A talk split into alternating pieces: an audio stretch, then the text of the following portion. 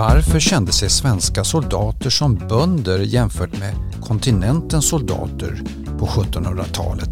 Vad var det som gjorde att ländernas arméer övergav de färgglada uniformerna och gick mot mer kamouflagefärgade? Ja, det får du veta här i Materielpodden från Försvarets materielverk, FMV. Där de textila systemingenjörerna Elin Jonasson och Magnus Brogren har bjudit in Martin Markelius som är intendent vid Armémuseum för att prata uniformer förr och nu. Här i den första delen av två rör de sig från införandet av uniformer på 1600-talet fram till mitten av 1800-talet. Men vad är en uniform och varför har man uniformer? Ja, vad ja. är en uniform? Ja, för mig betyder det att man ser likadan ut. Så att man liksom kan eh, förstå eh, vem man tillhör. Eh. Jag tänker också eh, lite på det som en, sak, en form av kännetecken och en symbolik. Ja, men jag menar, för det finns ju massor med typer av uniformer i, i samhället och en uniform kan ju vara liksom kostymen ungefär. Men i vårt sammanhang så kanske vi eh, eh, liksom spontant tänker på en stridsuniform. Liksom. Men det finns ju bara inom Försvarsmakten så finns det massor av olika typer av uniformer. Då. Olika system och undersystem och sånt där ju. Men eh, ja, enhetlighet och ändamålsenlighet är väl, är väl viktiga då. Identitet och grupptillhörighet. Och lite som du var inne på att eh, det ska vara enhetligt och individen inte ska sticka ut.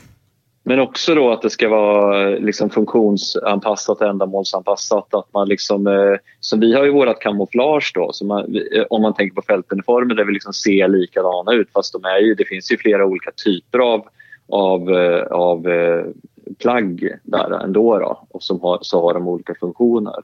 Eh, och så kanske det inte alltid har varit. Ja, om man ser på det ur ett eh, historiskt perspektiv så är det ju framförallt de här eh, detaljerna som ni har varit inne på att eh, man ska känna igen var en person eller en individ hör hemma i, ett, eh, i en organisation på något vis. Eh, alltså om man bryter ner en uniform, om man nu tittar på till exempel 1700-talet så eh, ser man i vissa detaljer, framförallt färgkombinationer, vilket land, vilken armé personen tillhör så att säga. Eh, och eh, i många fall så kan man också se vilket regemente personen tillhör och till och med kompani. Eh, och naturligtvis även graden, alltså ifall det är en vanlig soldat eller om det är en underofficer eller en, en officer. Eh, så, så om man ser på det ur det perspektivet så är ju en uniform ett, eh, ett system att känna igen var, var en individ hör hemma då, som sagt i, i, en, i en organisation eller så. Eh, och ursprunget någonstans med, med tanken på uniformer som dyker upp under 1600-talet är ju att man ska kunna skilja vän från fiende under ett fältslag. Eh, och på hur långt avstånd skulle man kunna göra det här? Ja, det, eh, det handlar ju egentligen bara om några hundra meter för att det ja. är ju ändå den den, den, typen av, av beväpning som man använde under 1600-talet, säg 30-åriga kriget till exempel, eh, gör ju att man, man, eh, man skjuter ju inte på folk på kilometers avstånd utan det handlar om ett par hundra meter kanske. Eh, men ja. samtidigt så är det så att den typen av vapen som användes, eh, svartkrutsvapen, skapar väldigt mycket rök. Eh, och det försvårar ju hela den hela logistiska problematiken så att säga med att, att eh, genomföra ett fältslag. Eh, och det är ju långt senare i slutet på 1800-talet man börjar få en, en eh, så pass moderna vapen som kan skjuta längre där det blir liksom en annat krav som, så att säga på, på hur man ser ut. Eh, men, Men så, för, för, att kunna se genom den där krutröken då, så använder man, eller hur, så använder man i, i vissa fall och i vissa perioder liksom accentfärger som för att liksom kontrastera det, eller hur?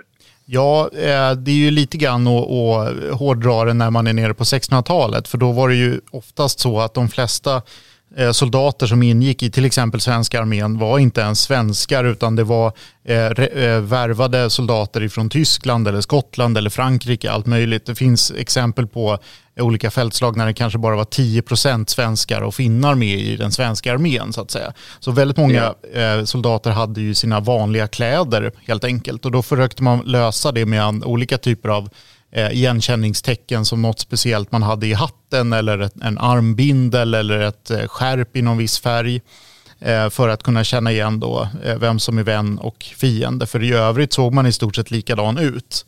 Det är mm. först i, i slutet på 1600-talet kan man säga som man börjar komma in på det, det vi kan kalla för uniformer. Alltså att, att man har eh, dräkter i en viss färg för att känna igen till exempel svenska armén gentemot danska armén eller ryska armén och så.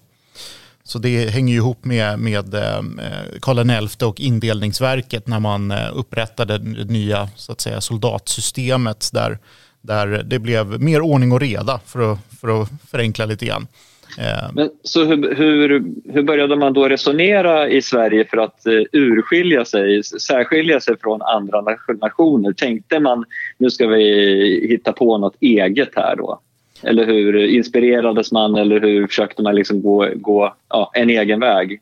Jo, men, men eh, man inspirerades ju naturligtvis, det har man alltid gjort, eh, ifrån den vad ska man kalla det, ledande krigsmakten i Europa. Och i slutet på 1600-talet så är det Ludvig den XIVs Frankrike som är den ledande krigsmakten i, i, på många sätt så att säga. Eh, och det var ju också den typen av eh, dräktmode som var rådande så att säga. Det gällde ju inte bara det militära modet utan det civila också. Att det var ifrån eh, Ludvig den XIVs hov som eh, dräktinfluenserna eh, strömmade ut i Europa. Eh, och det gjorde att man, man även i Sverige tittade där. Det, det ju, gäller ju egentligen de flesta andra länder också. Men när, man, när det gäller då den, den huvudsakliga grundfärgen i svenska uniformer som kommer där i slutet på 1600-talet eh, så är ju den blå.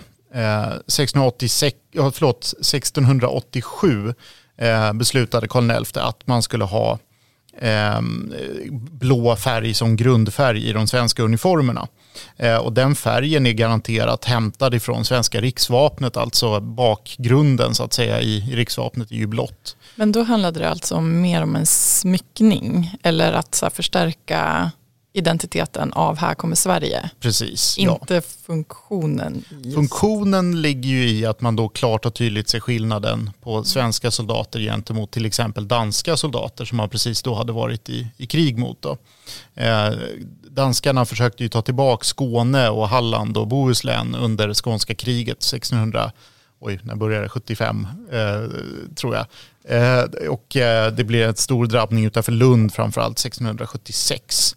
Eh, under den tiden så var det lite mer olika, olika regementen hade olika färger i sina uniformer och det var väl förmodligen någonting man tyckte var ett, ett logistiskt problem så att säga i, ute i fält. Eh, jag kan bara nämna som exempel så hade Upplands regemente röda rockar med gula ärmuppslag och foder och alltså sådana här detaljer. Och då, det gör ju att Upplands regemente förmodligen såg ganska likt ut som hur de danska uniformerna var. För de var röda redan då har jag för mig. Mm. Eh, och eh, det är möjligt att det här hänger ihop med Karl XIs beslut då, att eh, man skulle köra. Eh. Men du Martin, en, en annan jo. fråga. Eh, det här med att man tittar på eh, ledande stormakt. Mm. man tittar på den som, som är segrare i senaste slaget. Mm. hur stor, ehm, alltså det här nytänkande, hur, hur stort var det? Eller hur tänket kring det? jag tror, att driva på utvecklingen liksom? Ja, jag tror att man var framförallt i, i ett land som Sverige där man är lite grann i utkanten av Europa. Eh, det är ju för sig under stormaktstiden, det är ju kanske lite fel att säga så, men, men eh, jag tror att, att det var rätt så naturligt att man tittade ner mot kontinenten och då i, i det här fallet så är det Frankrike som är den ledande liksom, eh, stormakten i, i Europa, både ur militärt men även kulturellt eh, sammanhang. Så att det är, man var nog mer noggrann med att inte se, ut för, se för bonnig ut så att säga. Ifall man skulle dyka upp på, på fältslag nere, nere i Europa. Det finns exempel på det under 1800-talet till exempel. Att man, svenska soldaterna upplever sig själva som lite efterblivna och bonniga för de har fula hattar. Liksom. Oj vad spännande, så det var viktigt att se liksom snygg ut. Det där ja. är ju väldigt spännande. Ja, Statusmarkörer. Jag jobbar ju med helt eh, Eh, rätt Eh, material har jag kommit på nu här eh, när vi pratar om det här. För att eh, jag jobbar med fältuniform 90-systemet. Jag är en stor vän av jag har bakgrund i friluftsbranschen och jag är en stor vän av liksom design som kom fram på 90-talet. tycker jag ofta är liksom ganska optimal. För att det är så långa jackor, det är så här, ja, men rejält tilltaget. Och sen kom den här trenden sen att det skulle vara så här tajta, korta Gore-Tex-jackor. De är helt obrukbara enligt min mening. Liksom. Eh, det är lite intressant att så här, ja, det är bara dåtidens liksom, eh, så här, äh, det ska vara snyggt. Mm. Men, men, det, det finns i... ju naturligtvis en, en funktionstanke i de här plaggen också. Eh, men, ja. men den är ju egentligen eh, densamma om man jämför med civila dräkter under, under den här tiden. Alltså den typen av ja. långa rockar som de bar, som liksom alla bar under slutet på 1600-talet, de, de gick ner till knäna ungefär.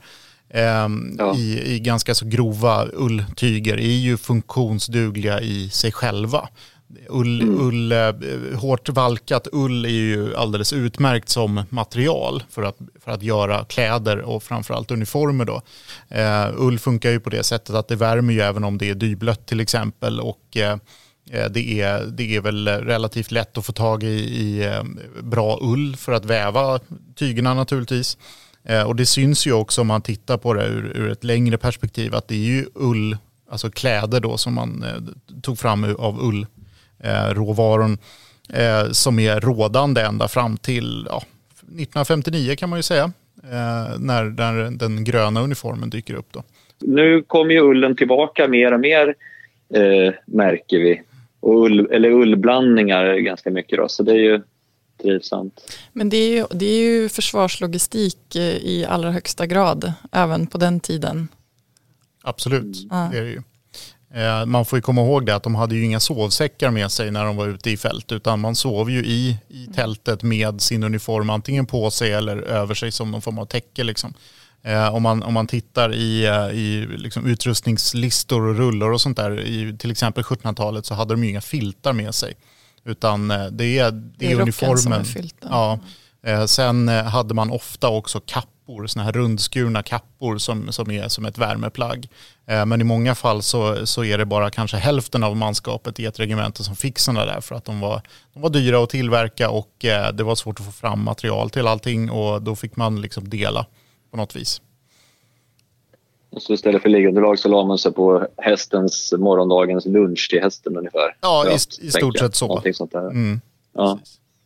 Liksom, hur design, vem designade uniformerna och liksom var tillverkades materialen, vävarna och knapparna och sådana saker? Vet man det eller? Eh, under, eh, under den här perioden, alltså nu, nu är vi inne på slutet på 1600-talet, början på 1700-talet, så eh, måste jag erkänna att jag vet inte exakt eh, hur allting har gått till. Jag har inte eh, gått in och forskat Va? på det på djupet, Nej, tyvärr. Eh, så jag kan inte svara på vem som har designat de här äldsta uniformerna. Eh, och jag kan mest spekulera kring hur det gick till när man tillverkade nya uniformer för ett helt regemente och då jämför jag med hur det fungerade under Gustav IIIs tid, för där har jag gjort betydligt mer forskning då. Eh, och då är det så enkelt, eller så enkelt, lite fel, men då är det, det gick till så här att eh, man hade eh, genom krigskollegium som är, den, ja, man kan förenkla och säga att det är dåtida namnet på, på FMV eller Försvarets materielverk. Eh, de tillsammans med kungen eh, bestämde hur olika saker skulle se ut och det kan vara allt ifrån skor och stövlar och rockar och hattar och allt möjligt. Eh, och sen så tog man fram modellexemplar eh, som då tillverkades förmodligen lokalt här i Stockholm och sen så skickade man ut de här modellexemplaren eh, till respektive regementschef runt om i riket. Och då får man ju hela tiden komma ihåg att det är ju inte bara Sverige, nuvarande Sverige vi pratar om, utan även hela finska delen av, av alltså Finland ingick ju i, i Sverige under den här tiden. Eh, och då fanns de här modellexemplaren hos regementschefen och skulle vara tillgängliga för lokala tillverkare. Eh, så då, då ser man hur slutprodukten ska se ut så att säga enligt de här modellexemplaren. Och sen när det gällde då att få fram tyget till exempel till de här uniformerna så var det lite varierande men ibland så upphandlades med offentlig upphandling egentligen Eh, Eh, tygtillverkningen i Stockholm. Eh, och när man hade lyckats med det så skickades det till regementschefen som fick styra upp eh, själva tillverkningen av uniformerna lokalt. I andra fall så vet man att regementschefen själv köpte upp tyget då. Men det, allting bekostades ifrån eh, kronan eller staten om man nu tittar specifikt på infanteriregementena. Det, det är så det fungerade där. Jag tycker det är så fascinerande att höra att det var så strukturerat och organiserat redan på den tiden. Ja, det är, det är väldigt intressant och, och eh, i vissa fall så fungerade de här offentliga upphandlingarna, i andra fall så gick det inte alls speciellt bra och det är väl ungefär som vi kan se att det fortfarande händer idag. Eh, så det är lite intressant. Eh, men hur som helst, så, så när då eh, materialet fanns, till exempel, eh, om vi tar Upplandsregementet som exempel, så upphandlades tyget i Stockholm säger vi, så skickades det till Uppsala, ehm, eller förmodligen då till regementschefens, ehm, eh, där han bodde då, förmodligen i närheten av Uppsala på något vad heter det, stort boställe då. Och sen så fick han helt enkelt upphandla återigen själva skrädderiarbetet och det gjordes tillsammans med, eller liksom det upphandlades mot eh, Uppsala stads skrädderiämbete, alltså ett, ett skrå kan man säga. Eh, ja, ja. Men så vadå, så det upphandlades på flera olika nivåer egentligen? Ja, först själva tillverkningen av tyget och sen tillverkningen av uniformerna upphandlades också. Och det, där är, det här hänger ihop med frihetstidens, eh, och för nu, nu är jag ju inne på Gustav IIIs tid återigen, det är den, den perioden som jag är, är, är, mer expert på. Men det hänger ihop med att under frihetstiden så hade borgarna väldigt mycket mer bestämmande rätt eh, gentemot kungen. Eh, kungamakten var betydligt liksom lägre nivå, på en lägre nivå kan man säga under frihetstiden. Eh, och då är det så att man, ville man ville ha monopol på det här ganska stora arbetet. Det är ju rätt stora pengar det handlar om. Liksom. Eh, så jag vet inte exakt som sagt hur det där fungerade under Karl XIIs tid. Det kanske var ännu mer reglerat, vem vet. Eh, men sen när grejerna var färdiga då, när man hade tillverkat sig 1200 rockar till Upplands regemente så jämförde man ju alla dem med det här modellexemplaret som fanns hos regementschefen. Och sen så eh, godkändes grejerna som, eh, ja, som, som liksom färdiga produkter och vid en generalmönstring när man hade hela regementet på en, på en övningshed så gjorde man de sista eh, tillfixningarna så att säga. Eh, ofta tillverkade man rockarna då i tre storlekar. Det var medel, stor och liten i stort sett. Och sen så fick man anpassa ifall det var någon som var, var väldigt eh, annorlunda byggd så att säga. Så fick man göra de mm. sista justeringarna då på generalmönstringen. Och efter det så var arbetet liksom genomfört. Sen skulle uniformen eh, hålla i 12 år eh, och efter det så bytte man igen. Ja, det är rätt bra alltså. Mm. Det är höga krav. Det är höga krav redan, redan Sam, på den samtidigt tiden. förenklat då. Vi har ju en mängd olika storlekar idag, en mängd olika mm. typer mm. av jackor och sånt här. Men vi, och så har vi dessutom idag eh, möjlighet till i, liksom individanpassade storlekar om man då ändå faller utanför ramen för vårt storlekssystem. Då.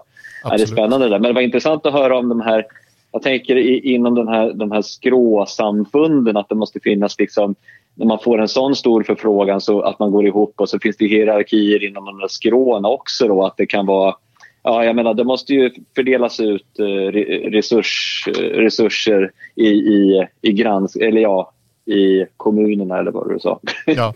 Motsvarande. Ja, i, i, eh, länet då helt enkelt. I länet, ja. Precis. Ja, ja, och, och tyvärr så är det väldigt lite forskning gjord på det här. Eh, jag skulle mm. vilja efterfråga någon ekonomihistoriker i Sverige som är sugen på att ta upp det här spåret för att det, är ju, det, det handlar ju om väldigt stora summor som strömmar ja. ifrån kronan, alltså staten, ner till lokalsamhället. Mm. Eh, ja. jag tror att det här är ett väldigt intressant forskningsområde om någon är, är, är sugen på att ta upp det. För jag själv har bara Just skrapat det. på ytan lite och kan väl på du något slängde vis... ut en liten krok här i Ja, eten. precis. Jag hoppas att någon lyssnar på det här ja. och tycker att det låter spännande. Ja, det är spännande alltså. Men jag tycker också att det är så häftigt att höra att all, all den här eh, tiden som man lägger ner på att det ska bli bra Alltså man har ett referensprov som man utgår från eller ska efterlikna då. Eh, och sen att man gör ändringar ända in på eh, pårustning eller vad man ska mm. kalla det.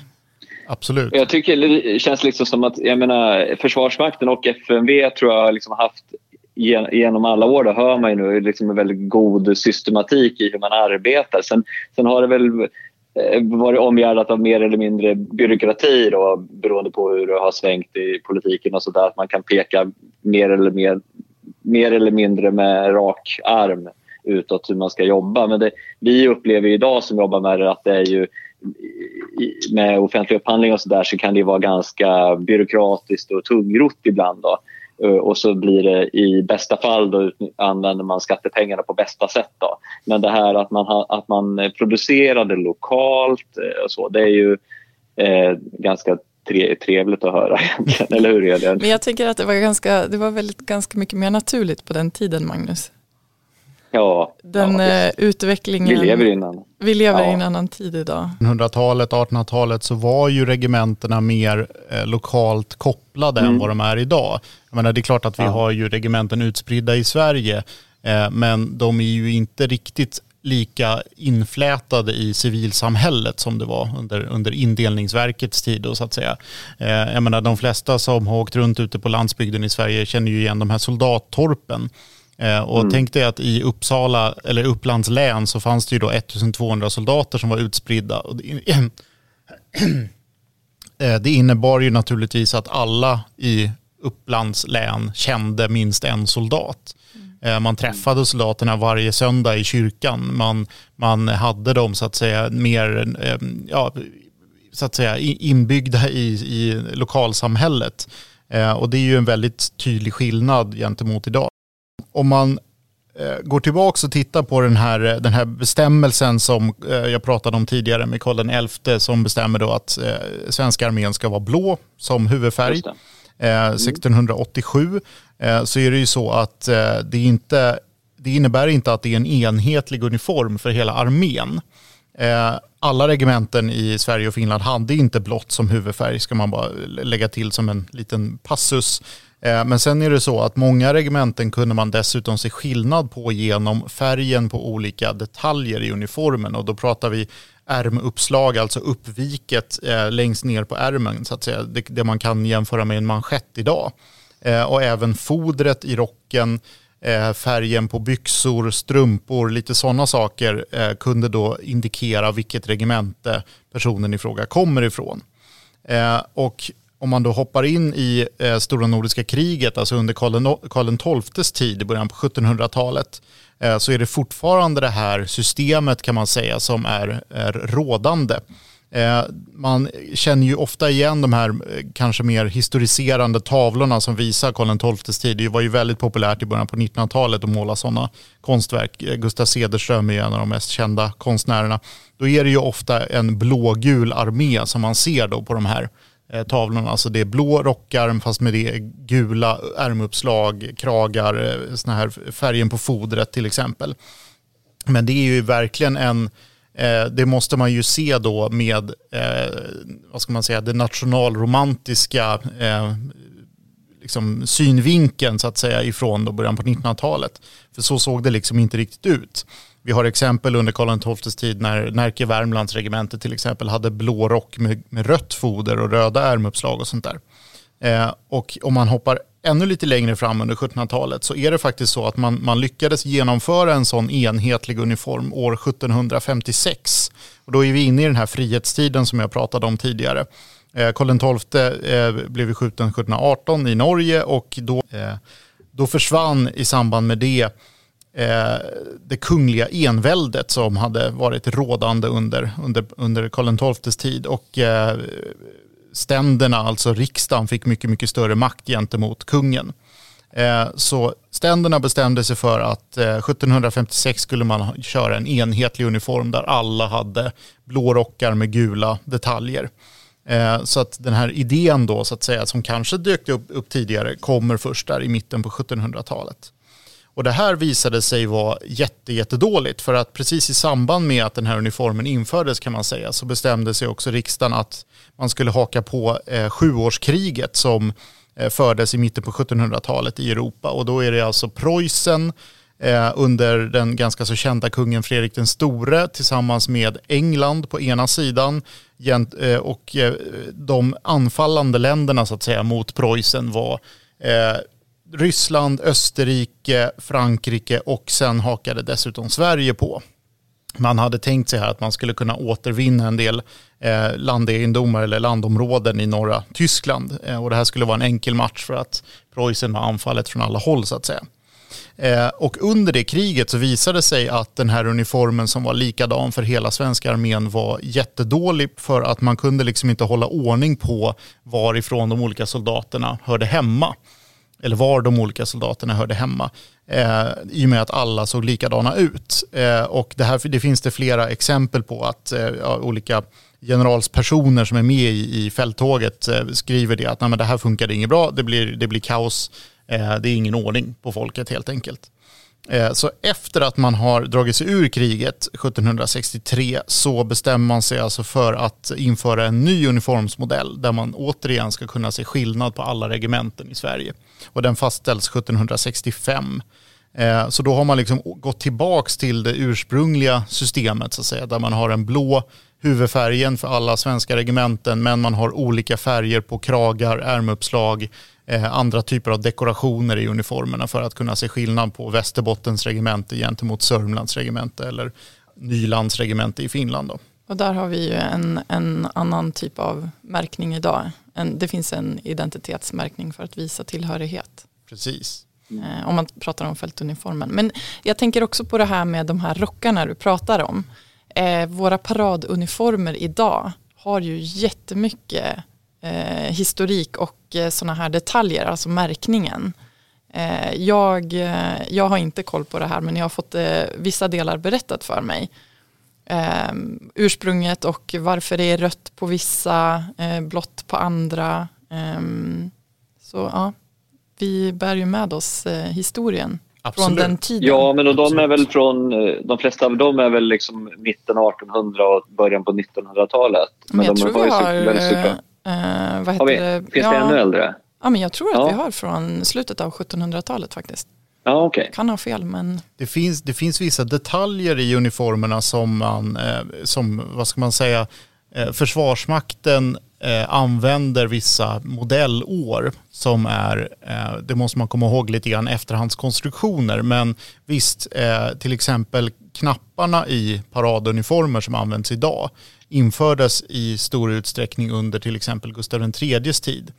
Eh, man brukar benämna vissa av de här knapparna som hör till paraduniformer som modell 1779 till exempel. För att de ja, ingår i, eh, i en eh, uniformsritningsserie, om man, om man nu kan uttrycka sig så. Alltså en serie bilder som visar hur hela svenska armén såg ut 1779. Eh, och då är de här knapparna med på bild. Eh, och de har sedan använts eh, efter det som eh, ja, för, för de här paraduniformerna. Det kanske är, den detaljen du tänker på. Det är det. Eh, sen ska man komma ihåg att det där är lite grann av en efterhandskonstruktion. Eh, det är inte helt säkert att de här knapparna fastställdes precis just år 1779. Det finns exempel på att regementen hade vissa typer av liknande knappar redan tidigare. Eh, så att man har förenklat lite grann ifrån Försvarsmaktens håll när man hävdar att de är precis just det modellåret så att säga. Och sen så ser de inte exakt likadana ut om man tittar på dem riktigt noggrant. Men nu har vi kom, verkligen kommit in på knappologi här, det är lite, lite roligt. Eh, men absolut, när det gäller den eh, utseendet på paraduniformen som används idag, alltså då, då tänker jag ju framförallt på den som kallas modell Ä eller modell äldre, är eh, mer av eh, 1800-talskonstruktion. Den infördes i mitten på 1800-talet och förändrades något, men det är den som används rent estetiskt. Det är väldigt det är i stort sett knapparna skulle man kunna säga är liksom 1700-tals eh, historik.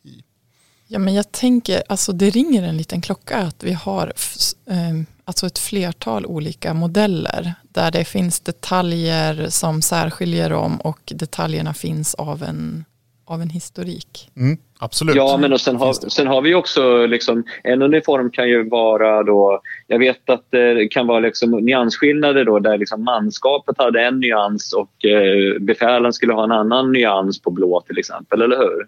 Absolut, det, det gäller ja. ju eh, eh Livgardetskvadronen kallas de väl idag Exakt, exakt. Eh, ja. Absolut, och det där är ju verkligen en, en historisk eh, koppling kan man säga eh, som jag tycker är väldigt intressant att man fortfarande kör med. Eh, om man då återgår till egentligen, liksom, ja, egentligen 1600-talet och 1700-talet så är ju den största skillnaden mellan en officersuniform och en soldatuniform är egentligen inte gradbeteckningar eller någonting sånt, utan det är kvaliteten på tyget. Eh, man kunde se klart och tydligt på den tiden, även utan gradbeteckningar, vilken social eh, status bäraren hade så att säga. Och det där var någonting som var väldigt naturligt för folk under 1700-talet. Man såg direkt vem som var fattig och rik bara genom att titta på, på klädedräkten. Eh, och det är också så att i det här systemet med eh, där kronan så att säga bekostade uniformerna för, för soldaterna så ingick det också att officerarna var tvungna att bekosta sina egna uniformer och sin beväpning och utrustning och allt sånt, allt sånt där. Och det gjorde ju såklart att det varierade lite grann men samtidigt så ville man ju visa på sin Eh, högre status även i själva dräkten. Eh, och det gör att eh, om man jämför en eh, officersjacka till exempel mot, gentemot en soldatjacka i slutet på 1700-talet så är det väldigt stora skillnader i kvaliteten på tyget. Det är betydligt tunnare, finare tyger som officerarna hade gentemot en, en grövre, mer funktionsduglig kan man ju ändå säga soldatuniform som ska hålla längre. Liksom. Ja, men spännande. Och idag tror jag inte, jag vet inte med säkerhet, men jag tror inte att den är kvalitetsskillnad idag utan att vi gör med, medveten nyansskillnad i tyget idag. Då. Men när det gäller knapparna Precis. då, det, apropå knappologi. Jag jobbade tidigare med eh, metalltjänstetecken och textila tjänstetecken också. Då, producerade det här. Eh, och då har vi jag kan inte alls så mycket om det egentligen. Jag vet bara att det finns otrolig mängd olika typer av knappar och andra liksom, metalltjänstetecken och sådär. För, förbandsknappar och sådana saker. Men eh, det är, mer eller mindre allt som bärs idag är ju antingen liksom guld eller silverpläterat. Men det, så lär det ju inte ha varit då. då. Knapparna för manskapet då på den tiden lär ju knappast ha varit liksom silverpläterade. Då. Nej, nej precis. Utan eh, om man eh, tittar på första halvan av 1700-talet och även längre tillbaka så är det framförallt tennknappar man körde med. Eh, ja. Och eh, en sån förändring sker också 1765 när man då byter hela uniformsystemet som jag nämnde. Så går man från tennknappar till mässingsknappar. Eh, anledningen till att man gör det är för att man, eh, jag tror att krigskollegium helt enkelt har gjort en beräkning där att det Eh, mässingsknappar håller bättre i längden och det gör att man kan återanvända dem till flera uniformer. Eh, man sprättar loss dem när uniformen ändå är slut så, så tar man loss alla knappar och så syr man på den på den nya. Efter 12 år eller efter, vad var det? Ja, precis. Efter 12 år. Eh, tändknappar är i och för sig billigare men måste bytas ut varje gång för att de håller inte lika bra. Så i längden så tjänar man på det. Men, ja, men det var återanvändning kostnaden... redan på den tiden. Absolut. I allra högsta grad. allra högsta grad. Och sen är det ju så att en, en uniform som är utsliten, eh, den, den kasserades så att säga vid en sån här generalmönstring i samband med att man skaffade en ny uniform.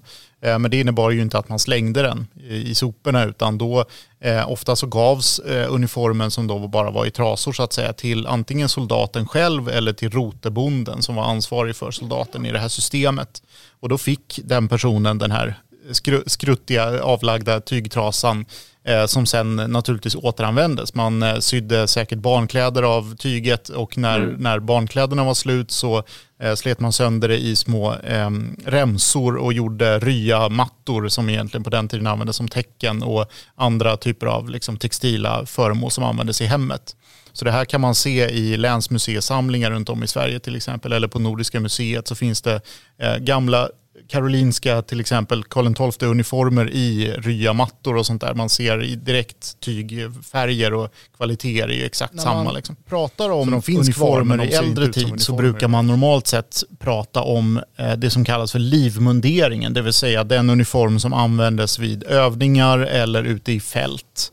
Eh, och det är också den som bekostas av kronan och det är den som är den, den finuniformen som användes då.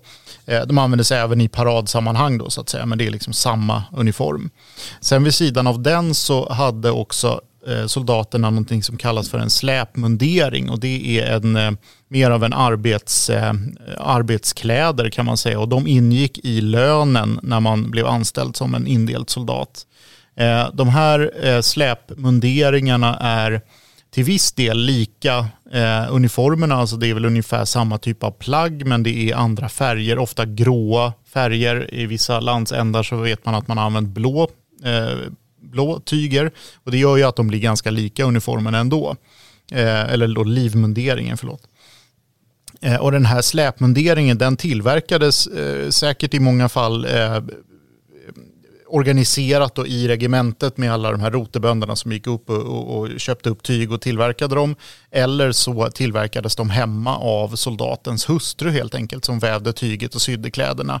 För det gjorde man ändå till sin egen familj. Det var ju soldathustrun, eller förlåt, bo, eh, hustrun till bonden eh, som tillverkade kläder till barnen och, och, och sin man och allt möjligt. Eh, och det gör ju också att de här är ju förmodligen mer lokalt påverkade, alltså exakt hur de ser ut jämfört med, med livmunderingen som är mer strikt reglerad uppifrån. Eh, men de här eh, släpmunderingarna de är alltså inte tänkta att användas ute i fält utan de är bara en, en typ av arbetskläder. Eh, soldaterna var förbjudna helt enkelt att använda livmunderingen i, i vanligt eh, i, i vanliga fall så att säga. Man drog ett eh, snöre genom hela uniformen för att eh, och sen så satte man ett sigill på för att liksom försäkra sig om att soldaten inte använder de här grejerna. Och det är för att det är kronan som äger dem och de är beräknade att hålla 12 år. Då får inte någon vara ute och gräva latriner med kronans uniform Nej. på sig till exempel. Men då, eh, det låter ju som att det fanns väldigt starka uniformsbestämmelser eh, redan på den tiden. När, var, hur Absolut. du brukar vilken typ av din, eh, din utrustning. Absolut, och det är väl någonstans eh, fundamentet i vad är en uniform. Att det är kläder som är reglerade i hur de ser ut och hur de ska användas och när de får användas så att säga. Har ni på Armémuseum eh, sådana reglementen eller uniformsbestämmelser bevarade som man kan läsa? Eller när, när började man liksom skriva ner det här, eh, teckna ner det här? Som man... Ehm, um Ja, nu vet inte jag i huvudet exakt det äldsta uniformsreglementet, men jag gissar att det är någonstans i början på 1900-talet. Eh, innan dess så är det officiella bestämmelser som soldaterna själva egentligen inte har någonting med att göra, utan det är mm. någonting som kommer då uppifrån eh, via krigskollegium och kungen eller riksdagen under frihetstiden eh, som sen skickas ut till alla regementschefer runt om i Sverige, så de ska veta hur det här ska se ut. Och naturligtvis så visste ju övriga officerare i, i regementet hur det här skulle se ut också. Men soldaterna de fick ju sin uniform och det var det de hade. De, jag tror inte de la ner så mycket tankemöda på hur och varför och sånt där utan de lydde de order som kom. Eh, så att det finns inga nedskrivna tydliga reglementen utan det är när man forskar om det här så är det ett väldigt pusslande i olika bestämmelser som kommer uppifrån och ibland så eh, vad ska man säga, ibland eh, kommer det eh, motstridiga uppgifter och eh, eh, ja, det är, det är lite rörigt helt enkelt. Jag vet mm. inte om det var svar på frågan, men Nå någonting ditåt.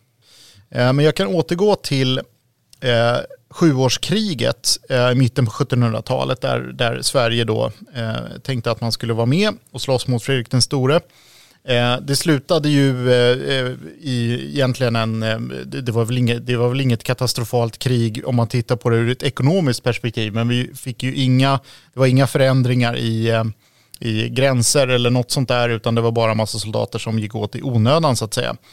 Man, var, man insåg att man kom liksom ingen vart i, i kriget och sen var det andra utrikespolitiska skäl som gjorde att man drog sig ur. Men framförallt då så eh, tvingade erfarenheterna under kriget fram då den här förändringen i uniformerna som fastställdes 1765 vilket var en tydlig eh, förbättring så att säga. Eh, och samtidigt när man ändå gjorde det så förändrade man snittet på uniformerna eh, för att vara mer moderiktiga och då tittade man återigen på den ledande krigsmakten i Europa. Då var det inte Frankrike längre utan då var det Preussen som man precis hade fått stryk av. Så man kopierade nästan hur de, uniformen, hur de svenska uniformerna såg ut, kopierade man ifrån. Då pratar vi silhuett. Eh, ja, precis. Ja. Och, och, snittet på, på de här långa rockarna då. För det är fortfarande den typen av långa, knälånga rockar som användes. Men de är betydligt mer åtsittande och det är en svängd eh, öppning eh, där, man ser, där man ser västen under. Den knäpps alltså bara över bröstbenet kan man säga på några, några få ställen. Eh, och så ser man västen under och man ser byxorna och sådär. Eh, så att den uniforms, eh, funktionen på den uniformen 1765 är ju inte helt hundra om man tittar på svenska breddgrader. Alltså att Nej, kuta runt alls. med en rock med så att säga bar ja. mage i 30 minus inte med vårt klimat. Nej, precis. Det funkar bättre nere på kontinenten. Jag slår ett slag igen för 90-talets eh, snitt. 1990-talet menar Absolut. jag. Absolut. Ja, men så är det. Men sen finns det en annan eh, detalj som eh, dyker upp här i mitten på 1700-talet och det är delvis på grund av att man fick stryk av Preussen. Och det är att man börjar faktiskt tänka lite ur kamouflage-synpunkt. Eh, det är så att man eh, inser att man behöver ha specialutbildade jägartrupper i svenska armén. Eh, framförallt då för att inhämta information helt enkelt och att man även kan använda dem för att göra snabba överfall. Man kan störa ut fiendens eh, underhållslinjer till exempel och liknande. Och det här eh, inför man i svenska armén under kriget då och eh, det är ju på grund av att Preussen har liknande trupper. Det intressanta här är att man då inför gröna uniformer för första gången egentligen. Och när gjorde man det? Det är 1758 på vintern. kan jag säga. Jaha. För det, man, man har fått ja, men då tittar man på, på den som vann senast. Ja, det kan man eh, säga. Och inspireras ja. och så glömmer man bort att titta på andra faktorer. Lite så, men, men det intressanta här är just att man tittar på Preussen som använder jägare som har gröna uniformer. Ja. Eh, och att man då tänker att nu måste vi göra likadant eh, för att liksom klara av de här eh, det här typen av, eh, av liksom, eh, mindre krigföring brukar man kalla det. Alltså inte att stå ute på ett fält och skjuta på varandra utan man, man gör den här typen av, av mer, mer åt det moderna hållet kan man säga. Och rekognosering och sådana här ja, saker. Precis, precis. Men, då, men det var fortfarande samma material så det är ull som man färgar, färgar grön alltså. Ja, För några gröna får vet jag inte om jag har sett. Nej, precis. det nej. finns inga blåa får heller så det måste man också Nej, färga. det gör i och för sig inte det. Nej. Eh, men, men absolut, Nej, men, eh, och, och, det är klart att det här är ju en, eh, det här är att betrakta som dåtidens specialförband. De hade då mm. sina gröna uniformer. Något senare så bestämde man till och med att färga deras remtyg, alltså remmen som håller i patronväskan och lite sånt, i svart istället för vitt som det var tidigare. Förmodligen också av kamouflageskäl, att man inte ska sticka ut allt för mycket i skogen. Och sen är dessutom de här jägarna beväpnade med räfflade jägarstudsare. Eh, och det innebär att man har en betydligt bättre träffsäkerhet jämfört med en slätborrad musköt som resten av infanteriet ja, använder. Eh, men samtidigt så är ju de här räfflade studsarna betydligt dyrare att tillverka så det kan man liksom inte tillverka till hela armén. Det skulle ingen, ingen, inget land i Europa så att säga ha råd med på den tiden. Eh, så att man koncentrerar sig på de här jägarna som då ska användas på ett annat sätt gentemot eh, eller jämfört med linjekrigföringen ute på fältet. Där det finns det ändå... en annan typ av, av uppgift man ser att Precis, det, ja. precis. Eh, för de som strider på linje ute på fältet med slätborrade musköter, de används på ett annat sätt som är fullt funktionsdugligt i, i dåtiden så att säga. Ja, men spännande. Så där har vi liksom lindan till dagens, eller utvecklingen till dagens liksom olika typer av eh, specialförband och, Absolut, och anpa anpassningar av både uniform och eh, vapen också då förstås. Då. Mm. För idag har vi en väldigt eh, stor, bred flora eller fauna av både uniformer och vapen just såklart. Absolut, Nej, men det är ju, det är ju där någonstans mm. det börjar liksom. Eh, i, i större utsträckning. Det finns naturligtvis exempel tidigare men, men det är här det börjar bli mer, mer ordning och reda så att säga. Eh, sen finns det ytterligare en detalj som dyker upp under det här kriget och det är att man inför eh, lätt kavalleri. För de här jägarna de strider ju till fots eh, och så inför man även lättare kavalleri då som eh, var eh, någonting som kallas för husarer, alltså eh, de fungerar ungefär på samma sätt som jägarna fast de är till häst. Ska kunna användas för snabba anfall, rekognosering, Eh, skicka, eh, ja, alltså man använder dem som ordinanser helt enkelt, skicka brev hit och dit. Eh, och husarerna drar, drar, in en annan uniformsmodell i Sverige eh, vid den här tiden och det är eh, en husaruniform brukar man kalla dem helt enkelt och det är en kort jacka med en massa snören och knappar över bröstet. Eh, och ursprunget till det här dräktskicket är egentligen nerifrån Balkan, eh, Tur Turkiet, eh, det området, för att det är den typen av dräktskick som användes där civilt. Och eh, när husarer började användas i framförallt österrikiska armén under början på 1700-talet så var det, tog de med sig det här dräktskicket och det blev förändrat till en uniform. Eh, och efter den här tiden så har vi haft husarer i Sverige ända fram till 1927 har jag för mig när man liksom la ner de sista husarregementena och framförallt så de som fanns kvar förändrade ju uniformsmodet så att säga. Vi har ju faktiskt ett husarregemente kvar, kommer jag på nu. Mm. K3 i Karlsborg. Karlsborg. Men de har inte så mycket husaruniformer på sig längre. Men, men så det, det intressanta med det här eh, sjuårskriget som jag har pratat om väldigt mycket nu, det är just att man, trots att man förlorade, så lärde sig Sverige väldigt, väldigt mycket av det och moderniserade hela, hela armén, inte bara ur uniformsperspektiv utan även taktiskt och, eh, eh och beväpningsmässigt så att säga. Eh, på grund av Gustav IIIs eh, revolution 1772 så lämnar vi också frihetstiden och kungen får mycket mer bestämmande rätt över Eh, över Sverige överhuvudtaget. Alltså det, man går nästan tillbaka till en envälde som fanns hundra år tidigare, men inte riktigt. Ehm, och eh, då har vi ytterligare ett eh, en detalj i uniformsutvecklingen som är lite intressant med tanke på att han införde en nationell dräkt som skulle gälla i Sverige och det gällde ju alltså inte bara försvars, försvaret eller, eller krigsmakten utan även civilt skulle den här nationella dräkten användas. Han bestämde eh, hur det skulle, eller han tillsammans med andra bestämde hur det skulle se ut 1778 och året efter så fastställdes uniformen för försvarsmakten, eller förlåt krigsmakten ska man ju säga på den tiden. Så där pratade vi, eller pratade vi också om identitet för eh, svenska folket. Precis, absolut. Och det intressanta med den här nationella dräkten är att han eh, vill anspela på stormaktstidens eh, liksom dräktskick i de här kläderna i slutet på 1700-talet. Eh, och det ser man i vissa detaljer, till exempel hur ärmarna är infästa i, i jackan. De har eh, ovanför, eh, eller i ärm axelsömmen ska man säga. I axelsömmen så är det en infäst liten tyglapp som man kan kalla för axellapp. Eh, och eh, det är en typisk detalj som finns redan på 1500 och 1600-talet. Eh, men har inte funnits under 1700-talet. Så det är verkligen någonting som har återinförts i det här sammanhanget. Och den största skillnaden gentemot tidigare det är ju framförallt att det är en kort jacka som används istället för de här långa 1700-talsrockarna. Och i det här fallet så sticker Sverige ut ganska mycket i Europa. Eh, den här typen av korta jackor förekommer i Östeuropa, men eh, när man tittar på Västeuropa, där ändå Sverige kan anses tillhöra även under den här tiden, så är det ganska så um, udda uniform som inte stämmer överens med hur det såg ut på andra ställen. Um, och det här är ju då som sagt en, en, att man återblickar till stormaktstiden och Gustav III vill ju manifestera sin rättmätiga makt eh, så att säga över Sverige och han hävdar ju verkligen att han är Gustav den tredje, alltså han är liksom an, eller, han, han hittar inspiration eh, bakåt i bakåt, bakåt till Gustav II mm. Adolf och Gustav Vasa. Liksom. Det är den kopplingen han vill göra hela tiden.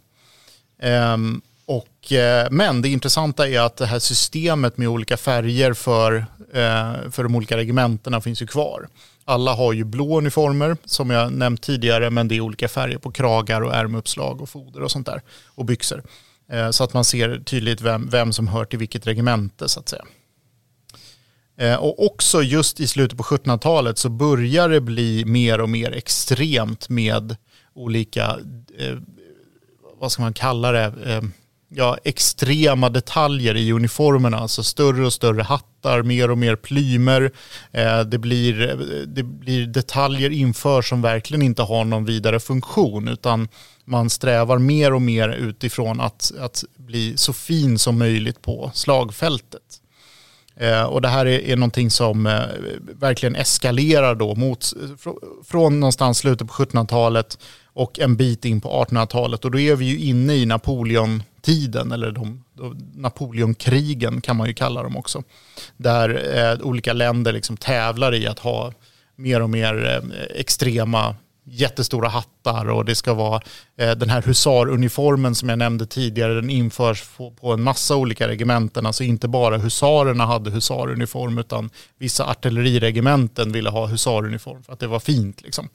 Trots att det var jättejättedyrt såklart att tillverka det här så, så ansåg man att det var värt det eh, för att man skulle imponera på fienden och synas så mycket som möjligt. Det var alltså inte bara slaget som skulle vinnas utan även klädslaget. Kan man säga, absolut.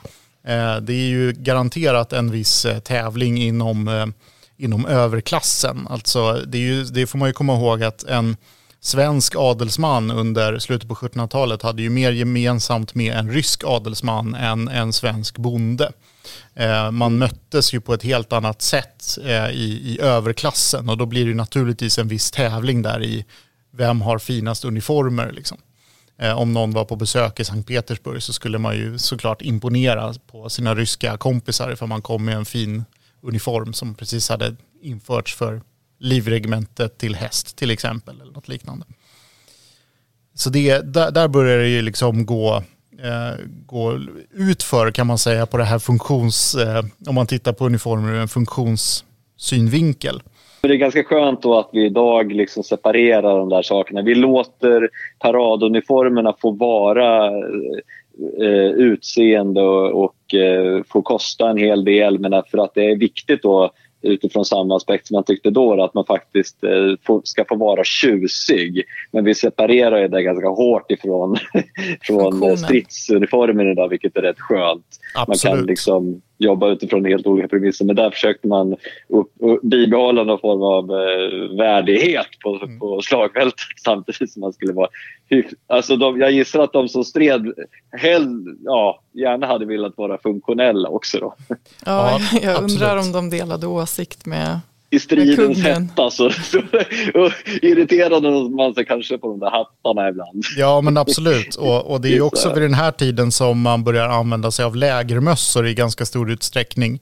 Eh, för att man insåg att det funkar liksom inte att ha den här jättestora hatten när man håller på och jobbar i lägret, ska sätta upp tält och gräva skitgrop och allt vad man gör.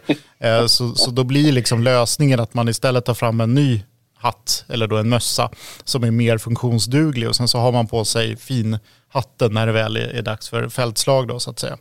Men det som är också intressant om man då tittar på inspirationen här är att man återgått till att bli inspirerad av Frankrike.